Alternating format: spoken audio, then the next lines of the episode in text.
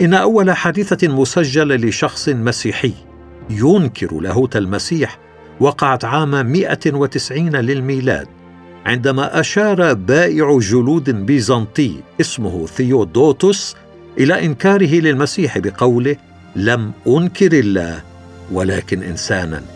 ولم تصبح مسألة لاهوت المسيح قضية لاهوتية كبيرة ضمن الكنيسة إلا في 318 حتى 320 للميلاد عندما قام كاهن من الإسكندرية يدعى آريوس بإنكار ألوهية المسيح. والضجة التي أحدثتها هذه القضية دليل قوي على أن الكنيسة حتى ذلك الوقت لم تكن تشك في لاهوت المسيح وإلا لتم تجاهل تعاليم آريوس على أساس أنه أمر عادي. لقد صيغت العقائد التي كان يؤمن بها المؤمنون أثناء هذا الجدل بما في ذلك إيمانهم بأن المسيح هو الله خلال قرنين ونصف من الاضطهاد القاسي. وقد دعي مجمع نيقيا عام 325 للميلاد للاجتماع لإيجاد حل إكليريكي لهذه المسألة. وبعد ثلاثة أشهر من التفكير المتروي المجهد أكد المجمع ألوهية المسيح وتم طرد آريوس والكاهنين الآخرين اللذين ناصراه على أساس أنهم هراطقه يقول بعضهم إن قسطنطين فرض الموقف الارثوذكسي على المجتمعين في مجمع نيقيا وأن المسيحيين خضعوا لرغباته خوفا من سطوته. لكن هذا غير صحيح. فالحقيقة هي أنهم هم الذين أثروا فيه وحملوه على تغيير رأيه في الإيمان المسيحي. إذ تحدثنا السجلات التاريخية بأن قسطنطين حين رأى جراح المؤمنين وندبهم وآثار التعذيب الذي تعرضوا له بسبب إيمانهم بالمسيح عمد إلى تقبيل تلك الجروح وآثارها. وما كان لهؤلاء المؤمنين الذين فقد معظمهم عيونهم وأطرافهم من أجل إيمانهم ليخضعوا لأي ضغط شرير من قسطنطين.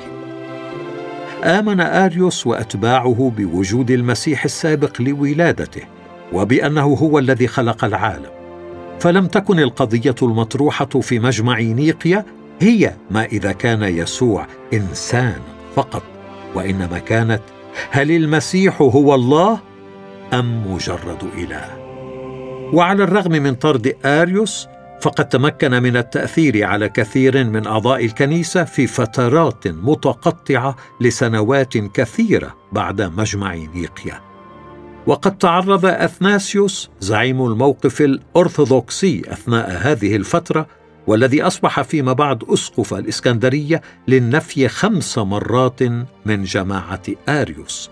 ولم يتم إخراس هذه المعارضة بشكل نهائي إلا في عام 381 للميلاد في مجمع القسطنطينية. ولا زال قانون الإيمان النيقوي الذي تمت صياغته وسط الاضطراب والجدل حجرا اساسيا لاهوتيا للكنيسة. يقول مارك نول عن قانون الإيمان النيقوي قام الإمبراطور قسطنطين العظيم عام 325 باستدعاء قادة الكنيسة إلى بلدة صغيرة عبر بحر مرمره من عاصمته القسطنطينية إسطنبول حاليا. فقد انزعج للانشقاق الديني الذي يمكن أن يهدد وحدة إمبراطوريته. انصب الجدل على تعاليم أحد المسؤولين الثانويين في الكنيسة الإسكندرية في مصر. وكانت النتيجة أن قدم لنا هؤلاء الأساقفة الذين اجتمعوا في نيقيا للحكم على تعاليم ذلك الكاهن قانونا للإيمان المسيحي جديرا بالتذكر. ولم يكن هذا الإقرار الإيماني الذي تم توسيعه فيما بعد أول تعريف رسمي للثالوث الأقدس في مواجهة التعليم الهرطقي فحسب.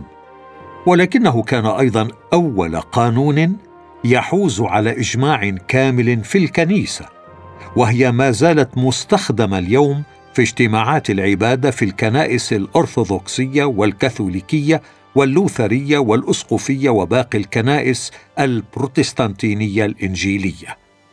وتكمن أهمية هذا القانون في شهادته القوية التي لا يشوبها غموض حول طبيعة يسوع الفريده كمخلص العالم. توضح العقائد التي علمها آريوس الميل الموجود عبر التاريخ المسيحي لإخضاع حقائق إعلان الله عن نفسه من خلال الكتاب المقدس وفي المسيح لتصورات المنطق الجارية. قال آريوس إذا كان الله الأب مطلق الكمال ومطلق السمو ومطلق الثبات. وإذا كان منشئ كل الأشياء دون أن يكون ذاته صادرا عن أي شيء آخر فإنه من الواضح أن كل شيء وكل شخص آخر في العالم منفصل عن الله. ويضيف آريوس إذا كان كل شيء منفصلا عن الله فلا بد إذن أن يكون يسوع أيضا منفصلا عن الله. يقول آريوس إن يسوع المسيح لعب دورا مميزا في خلق العالم المادي وفدائه ولكنه ليس الله ذاته. فلا يمكن إلا أن يكون هناك إله واحد. ولهذا فلا بد أن يكون المسيح قد خلق في زمن ما. ولا بد أن يكون المسيح ككل الخليقة معرضا للتغير والخطيئة وأنه مثل كل الكائنات المخلوقة لا يملك معرفة حقيقية لفكر الله. أدرك مجلس نيقيا مدى خطورة التهديد الذي يشكله تعليم آريوس للإيمان المسيحي. كما ادركوا أيضا شأن طبقة المنطق الخفيفة الخادعة. التي يمكن أن تظهر هذا المنطق مقبولا. ولهذا عمد المجلس إلى صياغة التوكيدات التالية ضد فكر آريوس. اولا المسيح إله من إله حرفيا ذات الله من ذات الله. كان يسوع نفسه هو الله. بالمعنى نفسه الذي كان فيه الآب الله.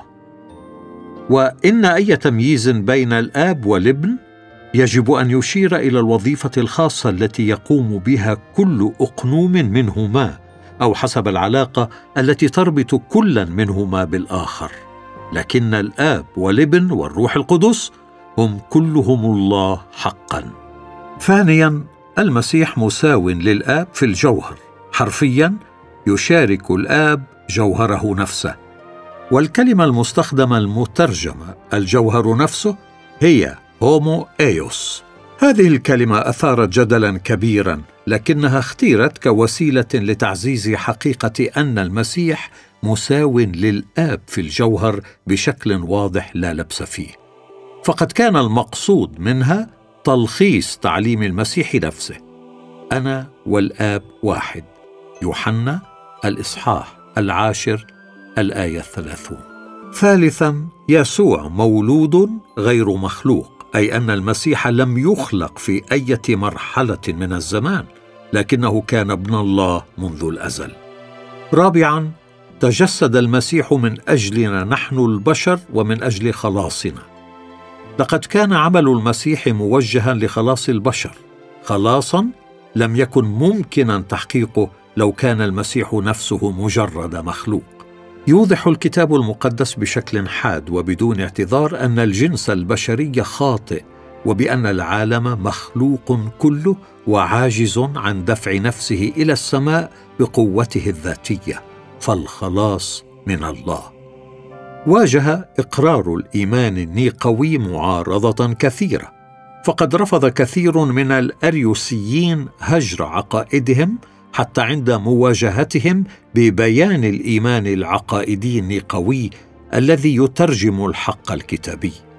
وقد أزعج استخدام كلمات لم تستخدم في الكتاب المقدس مثل هومو إيوس مؤمنين كثيرين كما أزعجتهم وجود كلمات مثل جوهر تستخدم غالبا بشكل غامض. لكن عندما أوضح أثناسيوس وغيره من المعارضين للأريوسيين بأن الجوهر الواحد أو المساواة في الجوهر لا تنكر الوجود المستقل للآب لكل من أقنوم الآب وأقنوم الإبن وأقنوم الروح القدس والعمل المستقل لكل منهم. بدأ قانون الإيمان يكتسب قبولا بشكل تدريجي. وما زال مرسوم الإيمان النيقوي حتى يومنا هذا حاجزا واقيا ضد هذا النوع من التخمين اللاهوتي الذي يمجد حكمة الإنسان فوق إعلان الله عن يسوع المسيح. وهو بمثابة قطاره واضحه لتعليم الكتاب المقدس حول طبيعة المسيح الالهيه وتجسده كإنسان وعمل الخلاص الذي أنجزه من أجل البشر. وأخيرا عندما يستخدم هذا البيان العقائدي كدليل للعبادة المسيحية أو الكرازة المسيحية فإنه يمكن أن يصبح أيضا أداة يستطيع الروح القدس من خلالها أن يحول حقائق الإيمان المسيحي إلى واقع الحياة المسيحية. قانون الإيمان النيقوي. نؤمن بإله واحد آب ضابط الكل خالق السماء والأرض وكل ما يرى وما لا يرى. وبرب واحد يسوع المسيح ابن الله الوحيد المولود من الآب قبل كل الدهور نور من نور إله حق من إله حق مولود غير مخلوق مساو للآب في الجوهر الذي به كان كل شيء الذي من أجلنا نحن البشر ومن أجل خلاصنا نزل من السماء.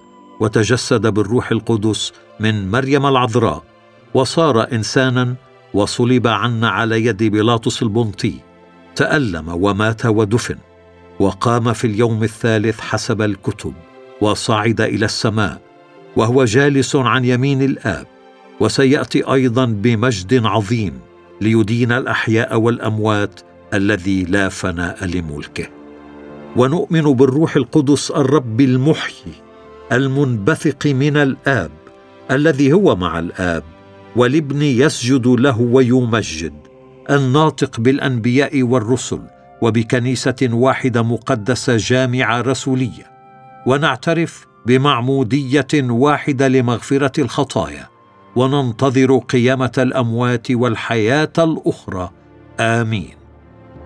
أضيفت الفقرة الثانية في عام 381 للميلاد. تقول مقالة بعنوان لاهوت المسيح في موسوعة زاندر فان لتفسير الكتاب المقدس إن أوضح تعبير وأكمله عن لاهوت المسيح موجود في القانون النيقوي الذي تمت صياغته أصلا في مجمع نيقيا عام 325 نقرأ فيه رب واحد يسوع المسيح ابن الله الوحيد. المولود من الآب قبل كل الدهور. نور من نور. إله من إله. مولود غير مخلوق. نجد هنا كل جهد ممكن لتوضيح أن يسوع يتمتع بجوهر الله نفسه. إله من إله. وترتبط بكلمة لاهوت كلمة أخرى أكثر عمومية ألا وهي ألوهية. ولاهوت هي أقوى الكلمتين. وهي الكلمة المطلقة. إذ يمكن أن يقال بأن هناك قبسا من الألوهية في كل إنسان لكن لا يمكن أن يقال الشيء نفسه عن اللاهوت. لم يصرح بمثل هذه الأمور عن نفسه إلا يسوع المسيح. فتصريحاته عن نفسه تتضمن فكرة بأن ما يعلمه هو ما يعلمه الله نفسه وأن ما عمله لا يمكن أن يقوم به إلا الله وحده وأن هناك في شخصيته الكاملة وحدة مطلقة مع الله وأن توكيده لنفسه على أي نحو كان هو توكيد لله. لابد أن يكون أي شخص يدعي لنفسه ما ادعاه يسوع إما شخصا مجنونا منحرفا أو صادقا فيما ذهب إليه. وبما أن الاحتمال الأول لا يمكن أن تقوم له قائمة في ضوء الأدلة الأخرى المتوفرة فإن المرء مجبر على الخيار الثاني وهو الصحيح ألا وهو أن المسيح هو إله من إله كما صرح عن نفسه.